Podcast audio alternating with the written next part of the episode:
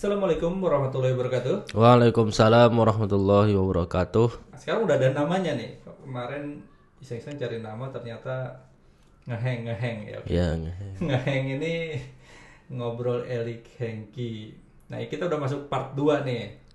ya part 2. Nah, untuk tema part 2 ini, tema 2 ini kita pengen belajar sholat. Ya, bro. Oke, belajar sholat eh, dengan segala lika-likunya lah, gitu ya. Nah, eh, sebenarnya eh, sholat itu kan memang salah satu kewajiban dari umat Islam ya. Ya. Salah salah lainnya, salah satu Oh, adalah salah lagi. puasa ya. Ya, puasa, haji, bayar zakat, sholat, Itu dan ini ya. dua kalimat syahadat. Ya, itu bagi orang yang belum lahir, belum Islam, berarti dia wajib baca dua kalimat syahadat. Atau bagi yang mau masuk Islam, Hmm, selain sholat harus syahadat. Ya, syahadat maksudnya bagi orang yang misalkan dia dulunya non-muslim, kemudian dia masuk Islam. Nah, itu harus wajib baca dua kalimat syahadat. Berarti urutannya Ya, syahadat, dulu. syahadat, sholat, puasa, zakat, haji. Jadi lima aja ya. Lima. Sebenarnya Atau yang disebut dengan rukun Islam. dan itu yang menjadi pegangan Ya, eh, yang menjadi Islam. kewajiban bagi umat Islam. Umat Islam. Ya, tentunya bagi orang yang memenuhi syarat-syaratnya. Misalkan sholat itu wajib bagi orang yang sudah balik, orang yang berakal. Jadi orang yang gila atau anak kecil ya nggak wajib sholat wajib gitu. sholat. Sama kayak haji, haji ya wajib bagi orang yang mampu. Bagi yang belum mampu, Bagi yang mampu, yang belum mampu ya dia belum punya kewajiban haji. Ya dia belum belum berdosa gitu. Jadi kalau berdosa, dia ya, mampu tapi dia nggak melakukan haji, ya dia berdosa. Nah, kita tarik mundur dulu nih, Heng. Ya. Dari awal-awal eh, perintah sholat. Nah, Sepengetahuan lu, perintah sholat itu eh, pertama kali itu muncul kapan? Ya dari kewajiban sholat itu saya lupa ya tahun persisnya berapa. Tapi yang paling populer ya ketika Rasulullah itu Isra Mi'raj. Yang Salah satu bekal atau oleh-oleh lah yang dibawa Rasul ketika Mi'raj itu adalah perintah sholat. Tapi sebelum itu Rasulullah juga pernah mengerjakan sholat.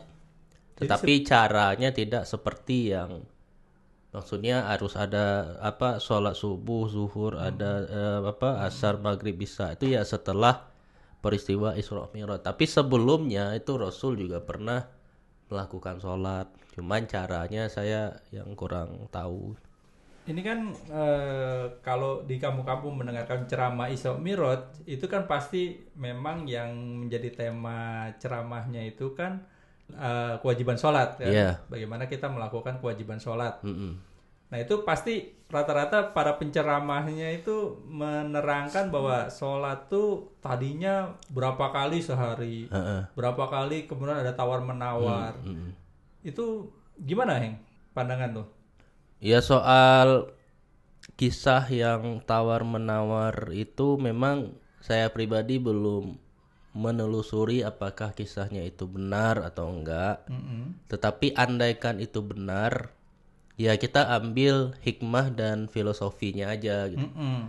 Maksudnya apa? Jadi di situ menunjukkan betapa sayangnya Rasul itu kepada umatnya. Jadi beliau mau menegosiasi supaya gimana perintah sholat ini yang awalnya jadi 50 itu menjadi 5 seperti yang kita lakukan saat ini. Iya, karena di situ kan diulang-ulang tuh, diulang-ulang Iya. eh, cerita itu bahwa ini udah sampai Rasul tuh malu lah. Ya, malu untuk yaitu menunjukkan kesayangan beliau kepada umatnya Iya, gitu. Tapi apakah peristiwa itu benar seperti itu atau tidak? Nah, ini Hmm. yang perlu kita telusuri lagi menurut saya gitu. Tapi kan eh, sangat relate ya. Kalau sekarang misalnya eh, kayak ya udahlah kayak gue lah, gue gua bercermin ke diri gue gitu. Lima aja itu Iya, masih kalau berat berat apalagi ya. kalau 50. Oh, apalagi 50. Dan kalau 50 itu ya ya kita nggak bisa ngerjain apa-apa. Ya, lima aja kayaknya bangun aja kesiangan lah ada Iya. iya kayak gitu Mm-mm. kayak misalnya eh, sholat tuh paling pagi gitu ya itu kan subuh ya Mm-mm. subuh eh, itu kayak itu kan dikasih keringanan kan kayak cuma dua rakaat gitu kan Heeh, Iya. tapi kan berat banget gitu Heeh. jadi Iya dua rakaat aja berat apalagi yang bisa dikasih lain gitu. Apalagi empat, apalagi Iya, sepuluh. makanya kalau azan tuh eh, ada arti lebih baik sholat daripada tidur ya sholat tuh Iya, minan lebih baik sholat daripada tidur. tidur ini terkait ritual nih kalau subuh ini kan ritualnya tuh ada yang kunut ada yang gak kunut iya Hmm. kan obrolan pertanyaan atau debat kunut gak kunut tuh udah kayaknya dari dulu tuh Iya. Ah, kalau lu sendiri ngelihat kunut nggak kunut tuh kayak gimana Hen? Ya pertama kunut itu ada yang disepakati kesunahannya, ada yang diperdebatkan kesunahannya. Berarti sebentar, kalau dari kunut tuh berarti masih posisinya sunnah, Iya sunnah. sunnah gitu ya? Oke. Jadi kunut itu kan sebetulnya doa. Mm-mm. Nah, yang disepakati adalah kunut itu boleh atau disunahkan ketika eh, ada bencana atau ada kejadian musibah yang menimpa umat Islam. Itu namanya kunut nazilah. Itu pertama kali. Ya, itu ya bukan pertama, maksudnya itu yang gitu. disepakati. Oh, yang disepakati. Jadi hampir mayoritas ulama itu mengatakan itu sunnah. Jadi kunut nazilah itu sunnah karena hadisnya bahwasanya Rasulullah ketika ada Bencana. bencana yang menimpa umat Islam Iya. itu beliau melakukan kunut nazilah. Itu yang disepakati oleh ulama. Nah, sebagian ulama mengatakan bahwasanya yang disun dan sebagian ulama mengatakan bukan hanya kunut subuh saja, tapi eh, bukan hanya kunut nazilah saja, tapi kunut subuh itu juga dianjurkan Oh, karena Rasulullah juga melakukan itu. Nah, itu yang pendapat yang dipegang oleh mazhab Syafi'i. Iya. Jadi makanya karena di Indonesia ini rata-rata adalah mayoritas mazhab Syafi'i, makanya kebiasaan yang kita lihat di sini adalah orang ketika subuh itu melakukan kunut. Nah, posisi kunut itu bukan kewajiban, jadi bukan berarti orang yang nggak kunut itu sholatnya nggak sah. Iya, jadi Dia sholatnya tetap sah. Hanya saja dia tidak melakukan kesunahan kunut bagi orang yang mengatakan itu sunnah gitu. tuh ya, jadi eh, kayak orang misalnya masih kunut nggak kunut, ya udah berarti Iya. udah pilihan aja itu ya. Ya itu pilihan aja ya kalau memang kita meyakini kunut itu sunnah ya silahkan dikerjakan. Dan kalau memang ya enggak, ya nggak apa-apa, nggak usah nyalahin orang yang melakukan kunut juga gitu. Oh, iya. karena gini, eh, ini gua ada teman dulu ya, temen ngobrol-ngobrol, eh, dia bilang gini, dulu tuh lik gua waktu dari kecil sampai besar ya, sampai dewasa gitu, itu melakukan kunut. Jadi kalau sholat subuh kunut. Nah begitu ada em, sudah kan era era belajar kan macam-macam sekarang yang kayak kita bahas di apa Iya. di pembicaraan kemarin bahwa sosial media dan sebagainya. Nah akhirnya dia sampai nggak pada keputusan untuk wah ternyata kunut nggak pernah diajarkan atau Nabi nggak pernah melakukannya gitu. Pokoknya akhirnya dia sampai lupa gitu kunutnya dan akhirnya sekarang nggak kunut lagi. Nah orang-orang kayak gitu sebenarnya nggak perlu juga berpikir eh maksudnya nggak perlu juga ya mengambil keputusan yang sebetulnya eh, dia cari sendiri atau memang pada akhirnya orang itu nggak apa-apa untuk mencari kebenaran eh, dalam ritual-ritual sholat. Ya kan eh, memang setiap orang itu kan mesti mencari kebenaran. Mm-mm. Ya tetapi kebenaran di dalam agama itu sebetulnya tidak ada kebenaran yang tunggal. Jadi orang itu nggak bisa memonopoli pendapat saya yang benar segala macam. Kenapa? Karena logikanya emang kamu pernah ketemu Rasulullah. Iya iya iya juga Ya, sih. pernah nggak ngelihat langsung Rasulullah kayak gitu? Nah kita tahu Rasul itu kan juga melalui buku-buku sejarah. Mm-mm. Kita tahu Rasul melalui buku-buku hadis. Mm-mm. Nah, problemnya orang menetapkan sebuah hadis itu bisa beda-beda. Menurut satu ulama ini informasinya benar, menurut yang lain yang nggak benar. Karena problemnya hadis itu ya baru ditulis itu kan belakangan. Baru ada Sahih Bukhari ini kan belakangan. Di- Yang ada itu kan hanya tradisi lisan. Dan nggak pernah juga ratusan orang misalkan menyaksikan Nabi eh, ngomong kayak gini, kemudian melakukan kayak gini, kemudian 100 orang itu misalkan menyebarkan dalam waktu bersamaan, ya kan jarang juga yang kita temukan hadis yang kayak gitu. Nah yang ada itu kan hanya misalkan satu orang sahabat ngelihat praktek Nabi kayak gini, kemudian dia sampaikan. Terus ada lagi yang lihat kayak gini, Nabi kayak gini disampaikan. Jadi beda-beda, nggak sama semua. Makanya dalam baca hadis itu ya semua perspektif tuh mestinya harus kita kumpulkan gitu. Baru kita Baru cari kita simpulkan. simpulkan Ya, makanya kalau di dalam ya karena penelitian saya tentang makosidul syariah itu ada kaedah yang mengatakan ya tanau tanau fil ibadah itu rukhsah. Maksudnya adanya macam-macam variasi ibadah yang bersumber dari Nabi itu misalkan ada orang yang mengatakan Nabi itu nggak kunut karena melihat hadis ini ada yang mengatakan sunnah kunut karena memang ada juga hadisnya Rasul itu suku apa namanya kunut jadi mestinya perbedaan ini jangan dipertentangkan karena bisa jadi Nabi itu melakukan dua-duanya iya iya iya Iya kan? iya.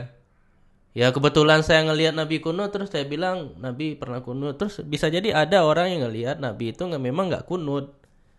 Nah itu tujuannya kan sebetulnya untuk memberi keringanan. Jadi kalau kamu mau kunut silahkan, kalau enggak juga nggak apa-apa ya toh dua-duanya juga berasal dari sumber yang sama gitu.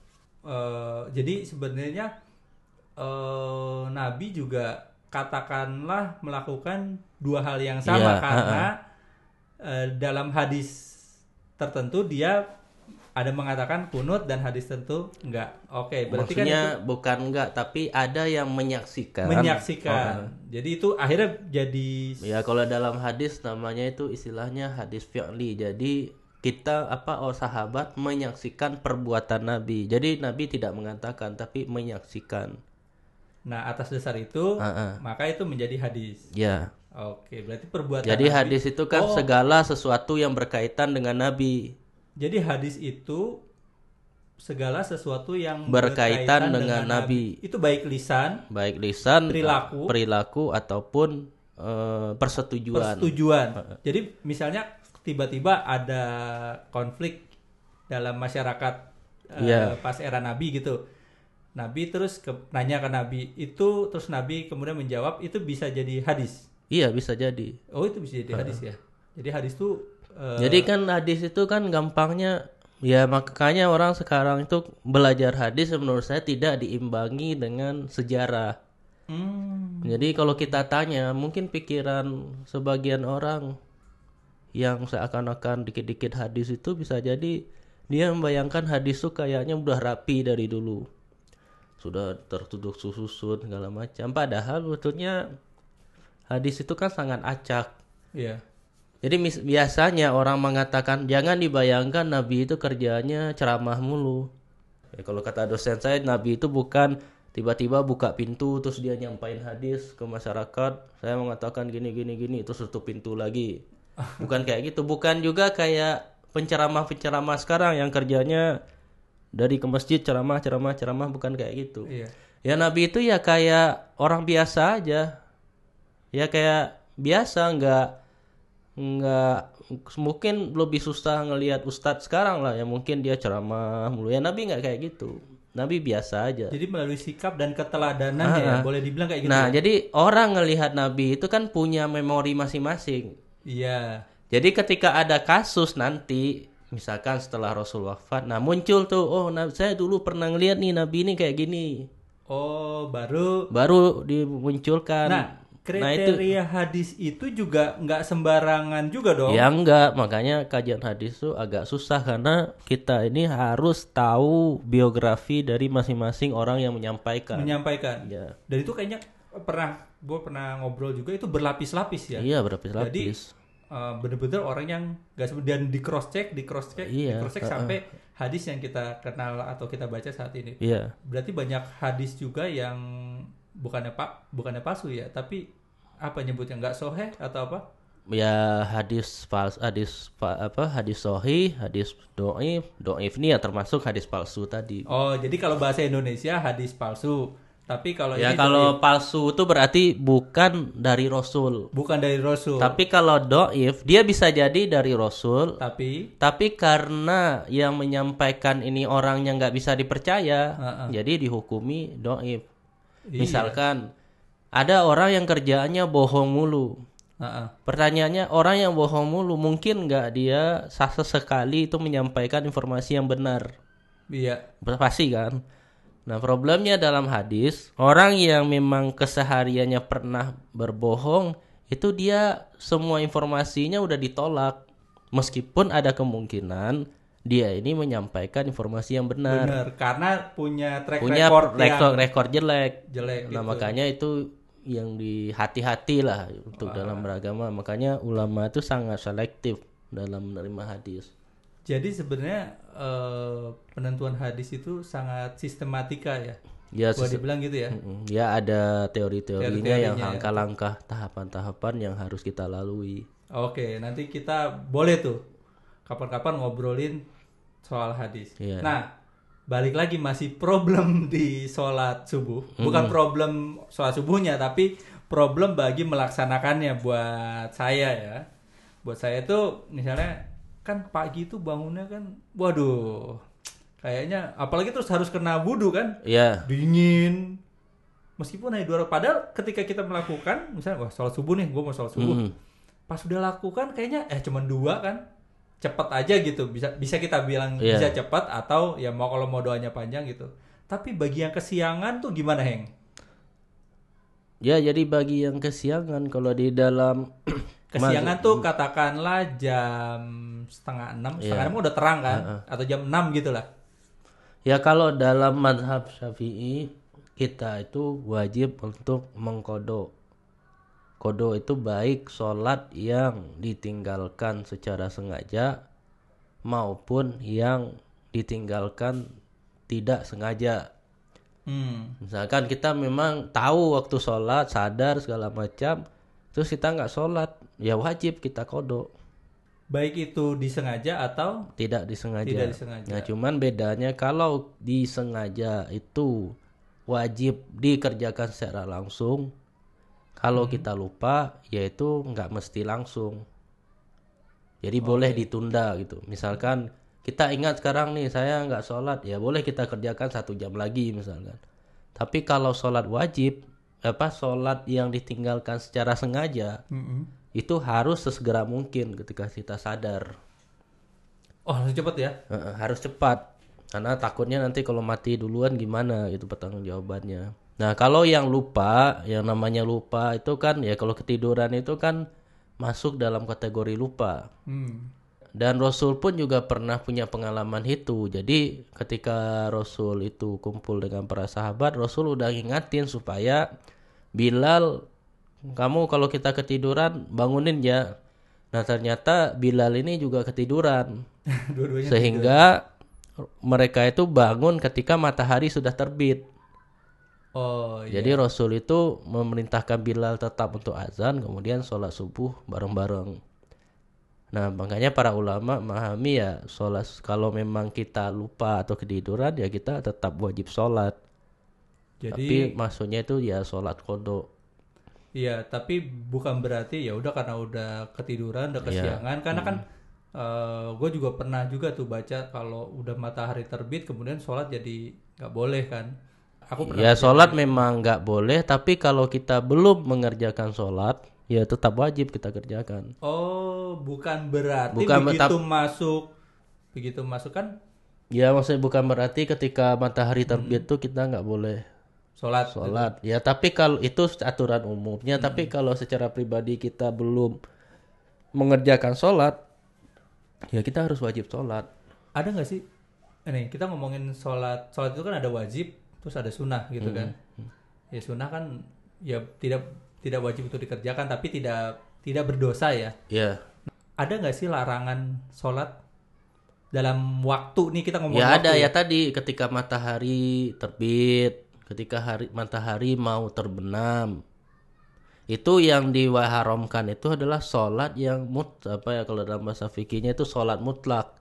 Jadi sholat yang nggak ada sebabnya ya udah kita sholat sholat aja gitu ya nggak boleh Oh, tapi berarti- kalau memang kita konteksnya itu memang sholat kodok yang itu adalah wajib ya tetap harus dilakukan. Oke, jadi sebenarnya kalau kita udah sholat subuh, tiba-tiba gue jam setengah delapan pengen sholat ah jam ya, tujuh. nggak- ya ketika matahari terbit Matahari udah pas ter- udah pas, terbit, pas pas- terbitnya itu ya pasnya itu. Oke, jadi itu eh, yang salah satu yang ya yang tidak boleh kita lakukan ketika sholat. Proses dia prosesnya. naiknya itu ya itu yang nggak boleh. Oh proses naiknya ya? ya ya kayak sangkanya nanti kita kayak nyembah matahari kan. Tapi kalau udah terbit udah udah apa ya Udah- udah udah settle di diem, atasnya itu ya udah nggak masalah ya. Begitu dia naik, matahari kan biasanya tuh naik per- perlahan-lahan Ya, sampai itu dia. berarti kan bisa kalau udah naik banget ya berarti sholat duha. Makanya ada sholat duha. Iya.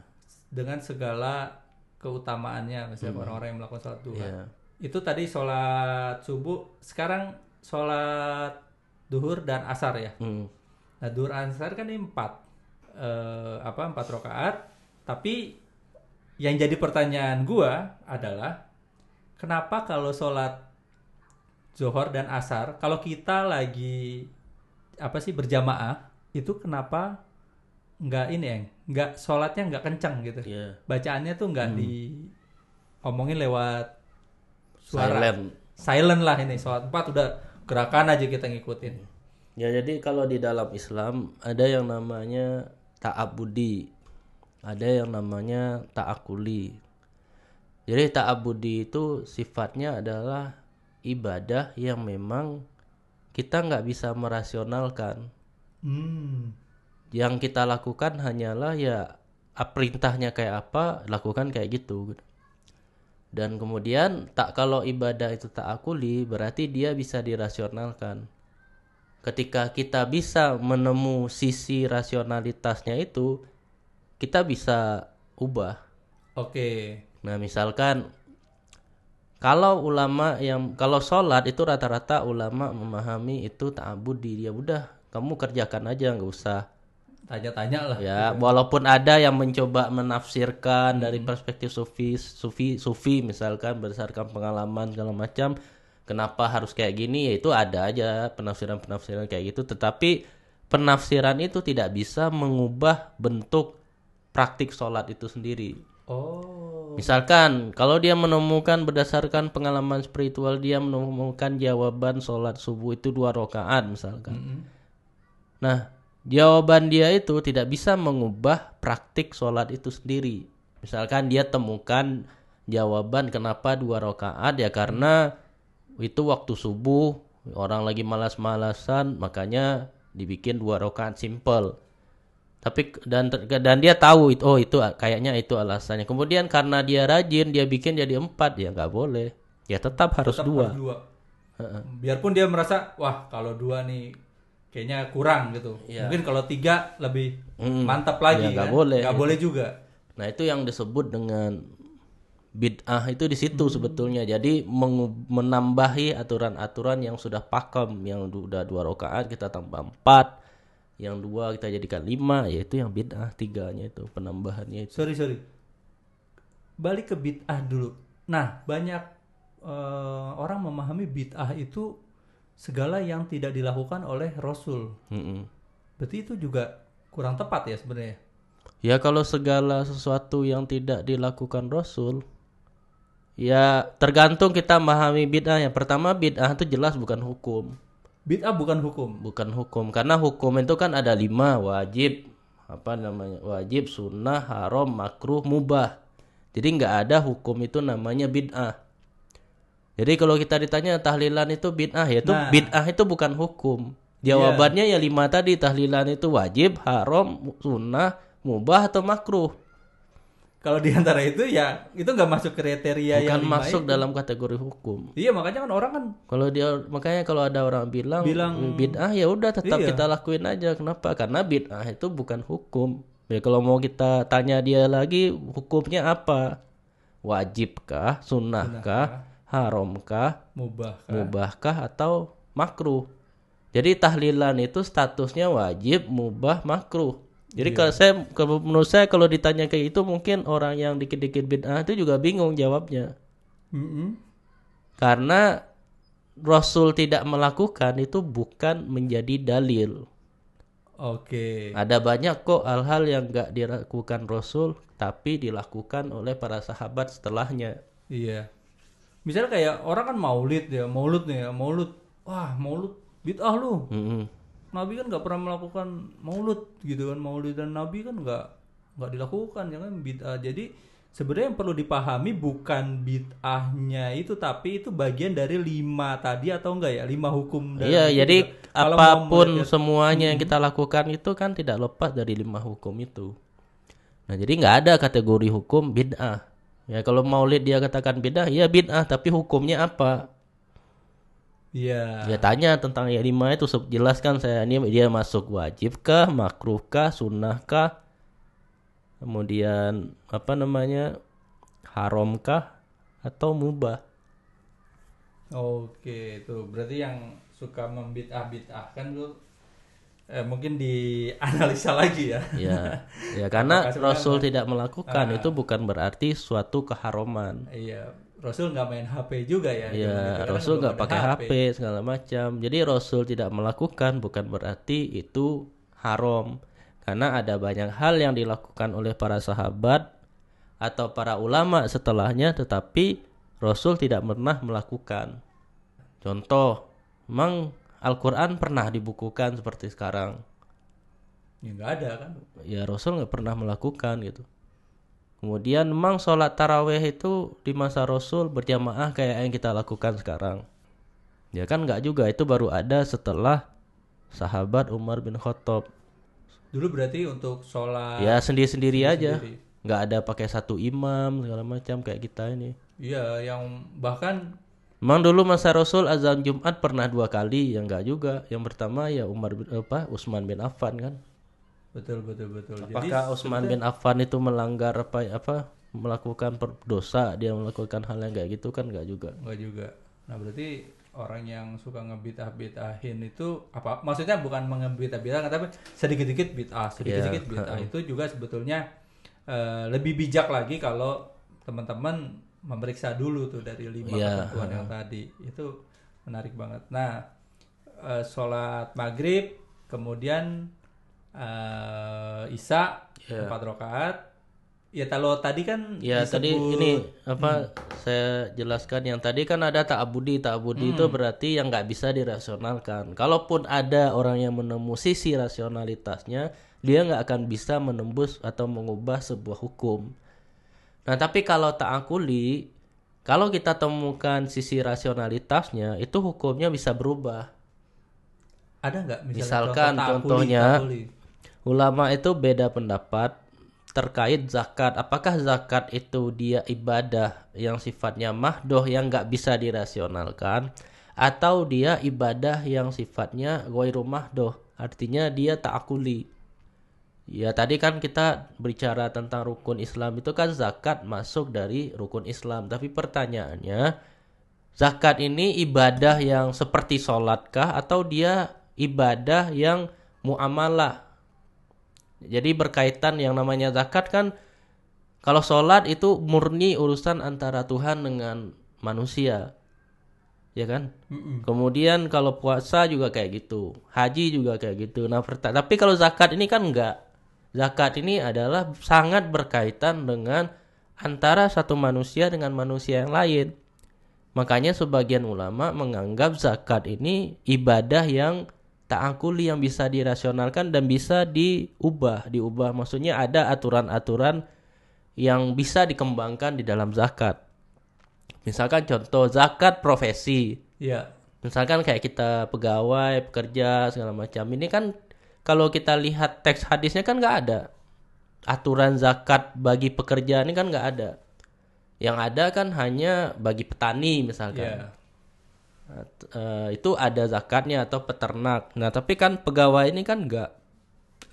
Nah, ulama yang mengembangkan itu memahami masa sih orang yang bekerja bisa dapat sekian ratus juta atau puluhan juta dalam sebulan, sementara petani yang mungkin tiga kali apa panennya petani itu kan satu kali tiga bulan Ya, misalkan. setahun tiga kali. Ya setahun tiga kali terus capek itu wajib zakat. Masa kita yang kerja pegawai PNS segala macam ini enggak enggak adil dong gitu. Masa Maka itu dibikin nah makanya ulama melakukan istihad orang yang orang yang bekerja itu juga wajib untuk mengeluarkan zakat. Nah hasil itu berdasarkan pertimbangan penalaran terhadap hukum dari zakat itu sendiri, aturan-aturan zakat itu seperti apa, tujuan zakat itu apa sih gitu, baru Iya, dikembangkan. baru dikembangkan. Itu nanti zakat. Belum lagi nanti zakat hmm, apa zakat fitrah tuh kan pakai beras, pakai uang. Ya, apakah mau pakai beras atau pakai Pakai uang, ya itu has, ya hasil penalaran terhadap hadis-hadis atau ayat-ayat yang berbicara tentang zakat. Takul itu lebih ke Ya bisa praktis dirasionalkan. Bisa lah. dirasionalkan ya. Praktekkan gitu. Nah, kalau kembali lagi ke sholat nih. Sholat itu kan posisi ya, posisi gerakan itu kan ya yang tidak bisa ditawar juga kan. Misalnya sujud ya begitu gitu. Tapi posisi tangan, posisi wajah, posisi eh, kaki itu kan kenapa sih ada ada perbedaan itu? Di mana sih awal awal mula perbedaan-perbedaan eh, gaya sholat? Misalnya ada yang di tangan tuh di tangan di perut di tengah di dada. Itu mazhab juga atau Ya hadis? eh, pada intinya perbedaan itu ada karena memang Rasul juga melakukan beda-beda. Hmm. Jadi kenapa kayak gini? Ya karena memang ada dalil yang yang yang mengatakan seperti itu. Nah, Iya. makanya para ulama beda-beda juga. makanya misalnya yang ya ada karena yang- riwayatnya juga banyak. Makanya tadi saya katakan ya varian dalam ibadah yang dilakukan Rasul itu nggak usah kita ambil pusing.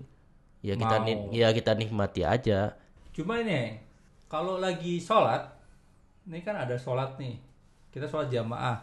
Sholat jamaah tuh kan emang nggak bisa dihindari ya. Kita nggak bisa memilih siapa di samping kita, di depan kita, di belakang kita kalau jadi makmum. Nah kadang-kadang eh, ada juga, eh, ini gue juga pernah mengalami, itu yang kakinya tuh harus nempel banget, kemudian bahu bertemu bahu, akhirnya secara ini jadi agak menimbulkan ketidaknyamanan gitu. Mungkin ya mereka nyamannya begitu ya, sama aja misalnya mereka kan nyamannya begitu. Nah, begitu orang lain kan ada juga perasaan ketidaknyamanan itu. Sebetulnya eh sejauh mana sih? Sejauh mana orang pakem-pakem gitu yang yang paling enggak bisa bisa dilakukan masyarakat untuk sama-sama membuat orang nyaman ketika sholat gitu. Iya. Jadi eh, terkadang kita ini nggak tahu mana sih yang diprioritaskan dalam ibadah gitu. Makanya seorang ulama ya ya Yusuf Syekh Yusuf Al Qaradawi itu menulis buku judulnya Fiqhul Awaliyat. Jadi fikih prioritas. Tujuannya supaya orang-orang Islam ini tahu mana sih yang diprioritaskan dalam beramal.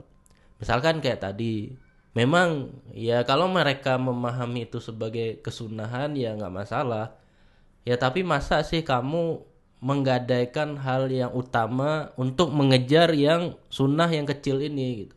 Iya, iya, iya. yang paling utama di dalam sholat berjamaah itu kan kekhusukan dan kenyamanan. Kemudian kita karena kita menganggap itu sunnah, ter- terus kita fokus ke situ aja. Iya. Padahal apa yang kita lakukan itu bisa mengganggu kekusukan kita sendiri karena pengen nge- apa ya merapatkan kaki ke orang mulu, Jadi kaki ke- dikejar-kejar tuh kan. di kaki dikejar-kejar mulu, atau dan bahkan orang lain juga terganggu. Iya, atas perilaku. Nah makanya saya tertentu. memahami merapatkan saf atau merapatkan itu ya ketika sebelum sholat. di pas duduk-duduk itu Pas kita sebelum sholat nih, Ah. iya. berdiri Heeh. Tapi pertanyaannya apakah setelah kita takbir itu kita masih fokus ke situ kan nggak juga. iya Jadi benarnya kalau menurut saya ya pas kita mau sholat itu kita rapatkan semua. Ya nanti setelah itu ya kita fokus ibadah. Yang namanya kita takbir ya berarti ketika takbir itu kita udah siap untuk meninggalkan urusan-urusan ya selain sholat gitu. iya Nah makanya kadang-kadang kan orang udah rakaat keberapa, nah itu masih kepikiran untuk nyari kaki orang. Jadi dia justru fokus nyari kaki orang gitu. bukannya Bukan fokus fokus untuk bersiap untuk berzikir atau membaca bacaan-bacaan ayat Al-Quran gitu. iya Saya yakin kalau orang yang kusuk atau yang benar-benar serius baca ayat Al-Quran yang atau bacaan-bacaan sholat ketika dia sholat benar-benar fokus itu nggak kepikiran untuk ngincarin kaki orang gitu. iya betul apalagi itu kan Ya apalagi itu sampai ya. mengganggu orang lain. Jadi kan orang lain juga risih. Ya kecuali memang eh, saya juga pernah waktu saya pergi ke satu daerah, memang di musola itu, jadi kita pernah diundang untuk sholat di musola lah. Nah itu seperti itu Heng, jadi memang benar-benar tegap. Jadi kaki, bahu nempel segala, tapi memang itu dipersiapkan sebelum. Ya mestinya sebelum takbir gitu harus dipersiapkan semua. Nah, jadi kalau Karena pastinya nanti orang ketika udah sujud terus bangun lagi itu pasti susunannya nggak sepersis yang pertama kan. iya, Ya kan udah orang udah bergerak segala macam otomatis ada agak renggang dikit lah segala macam yaitu nggak masalah sebetulnya selama kita nggak terlalu jauh jaraknya gitu. Sama misalnya kita sebenarnya menyesuaikan aja ya. Ya, Kira-kira yang di lingkungan itu, Ya, di lingkungan masjid ya, itu seperti pertama apa gitu ya. yang di itu kan rapat. Jadi bukan kayak menempelkan ya. Setahu saya yang wajib yang kita tempelkan itu sebetulnya kan bahu. bahu yang Heeh. oke tadi wajib lima rokaat eh, lima waktu wajib dalam sholat sekarang sunahnya yang sedikit aja misalnya kita ngebahas kenapa sih maksudnya ada sholat sunnah padahal kan udah ada wajibnya Ya wajib itu kan yang memang pokok yang harus kita lakukan. hmm. Ya ibarat kita bekerja lah kan ada pekerjaan yang memang itu wajib kita lakukan. Ya kalau kita nggak lakukan ya berarti bisa jadi kita dikeluarkan segala macam resikonya. Tapi kan di dalam dunia kerja kan juga ada yang sifatnya itu tambahan atau bonus lah. Jadi kalau kamu ngerjakan ini nanti dapat reward ini gitu. Nah di dalam Islam kan juga seperti itu. Jadi ada ibadah yang memang wajib kita lakukan. Kalau nggak kita lakukan kita berdosa. Tapi ada ibadah yang memang sifatnya itu tambahan atau bonus. Jadi kalau kamu pengen nanti di akhirat dapat bonus-bonus ini ya kerjakan ibadah Iya. sunnah gitu. makanya waktu kita obrolin kemarin tuh kan di akhir misalnya ketika kita di ketika kita sudah selesai dari urusan dunia kemudian urusan akhirat yang dihitung adalah amal perbuatan ya Iya, amal perbuatan. makanya kemudian eh, dari hal yang wajib misalnya sholat kemudian Hmm, ada sholat sunnah berarti hukumnya kalau tidak dikerjakan tidak mendapat dosa Kalau yang sunnah, kalau yang sunnah, iya. Iya. Kalau yang sunnah, berarti nggak apa-apa. Tapi kalau kita memang mau meningkatkan itu menjadi sumber pahala yang berlipat ganda, Iya. maka kita kerjakan. Mm. Nah, kenapa kita berkata harus kita harus mengerjakan sholat sunnah? Ya karena kecuali nih, kalau ad- apakah ada orang itu yang memang nggak pernah berdosa? Mm-mm. Kan nggak ada kan? Mm-mm. Misalkan dia bisa aja dia ngerjain sholat wajib mulu, tapi di luar sholat wajib dia nggak pernah berdosa kan nggak ada. Nah makanya kenapa kita dianjurkan memperbanyak ibadah yang sunnah karena emang keseharian kita dengan penuh dengan dosa sehingga harapannya ibadah-ibadah kesunahan-kesunahan yang kita kerjakan ini bisa menutup dosa-dosa yang pernah kita lakukan. Jadi Karena di dalam hadis Rasulullah gitu ya. mengatakan bahwasanya kebaikan itu bisa menghapus dosa-dosa yang pernah kita lakukan. Jadi kalau kita banyak dosa ya selain bertaubat ya kita harus memperbanyak amal baik. Supaya apa? Supaya itu sebagai penutup bagi dosa-dosa yang pernah kita lakukan gitu. Nah, gini juga eh banyak juga mungkin kegelisahan, ya mungkin ini kegelisahan gua lah, gua anggap kegelisahan gua lah. Jadi sebenarnya kita banyak lupa dulu kan lalai lah. Karena kesibukan apa kemudian meninggalkan sholat wajib. Karena kesibukan atau karena ada urusan kemudian kita melalaikan sholat wajib. Dan kemudian kan kita kan tersadar nih misalnya. Pengalaman spiritual orang kan kemudian katakanlah semakin membaik gitu ya Iya. itu kan tersadar. Nah, bagaimana untuk menutup yang katakanlah bolong-bolong sholat yang udah kita tinggalkan itu? Eng, Ada nggak? Misalnya eh, Rasul pernah bilang hal itu atau sahabat-sahabat Nabi pernah melakukan apa untuk ya setidaknya memperkecil lah kesalahan kita karena pernah meninggalkan sholat. Ya, itu ada dua versi, ada yang versi berat, ada yang versi ringan. Nah, kalau versi beratnya adalah dosa apa ibadah-ibadah atau sholat yang wajib yang pernah kita lakukan itu harus dikodok semua. Dikodok lagi. Ya dikodok, dikerjakan. Misalkan kita pernah sholat tiga tahun misalkan, Nggak sholat tiga tahun gitu. Nggak sholat tiga tahun ya berarti selama tiga tahun ke depan ya kita mengganti. Misalkan sholat setiap selesai sholat subuh kita sholat lagi. Niatnya ya niat sholat kodok untuk mengganti sholat-sholat yang pernah kita tinggalkan. Bahkan kalau ulama yang ketatnya kita ini nggak boleh mengerjakan sholat sunnah sebelum yang wajib ini ki- kita kita bayar dulu gitu.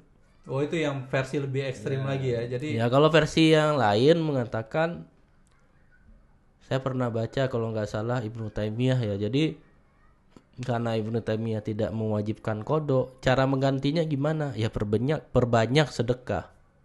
Nah itu kalau menurut Ibnu Taimiyah dan menurut kalau saya pahami ya kita kalau memang kita sempat ya yang versi berat tetap kita kerjakan misalkan ya kalau memang kita usahakan semaksimal mungkin untuk mengkodok yang sudah pernah kita tinggalkan dan kita semaksimalkan mungkin juga untuk melakukan kebaikan-kebaikan yang lain dengan cara memperbanyak sedekah misalkan.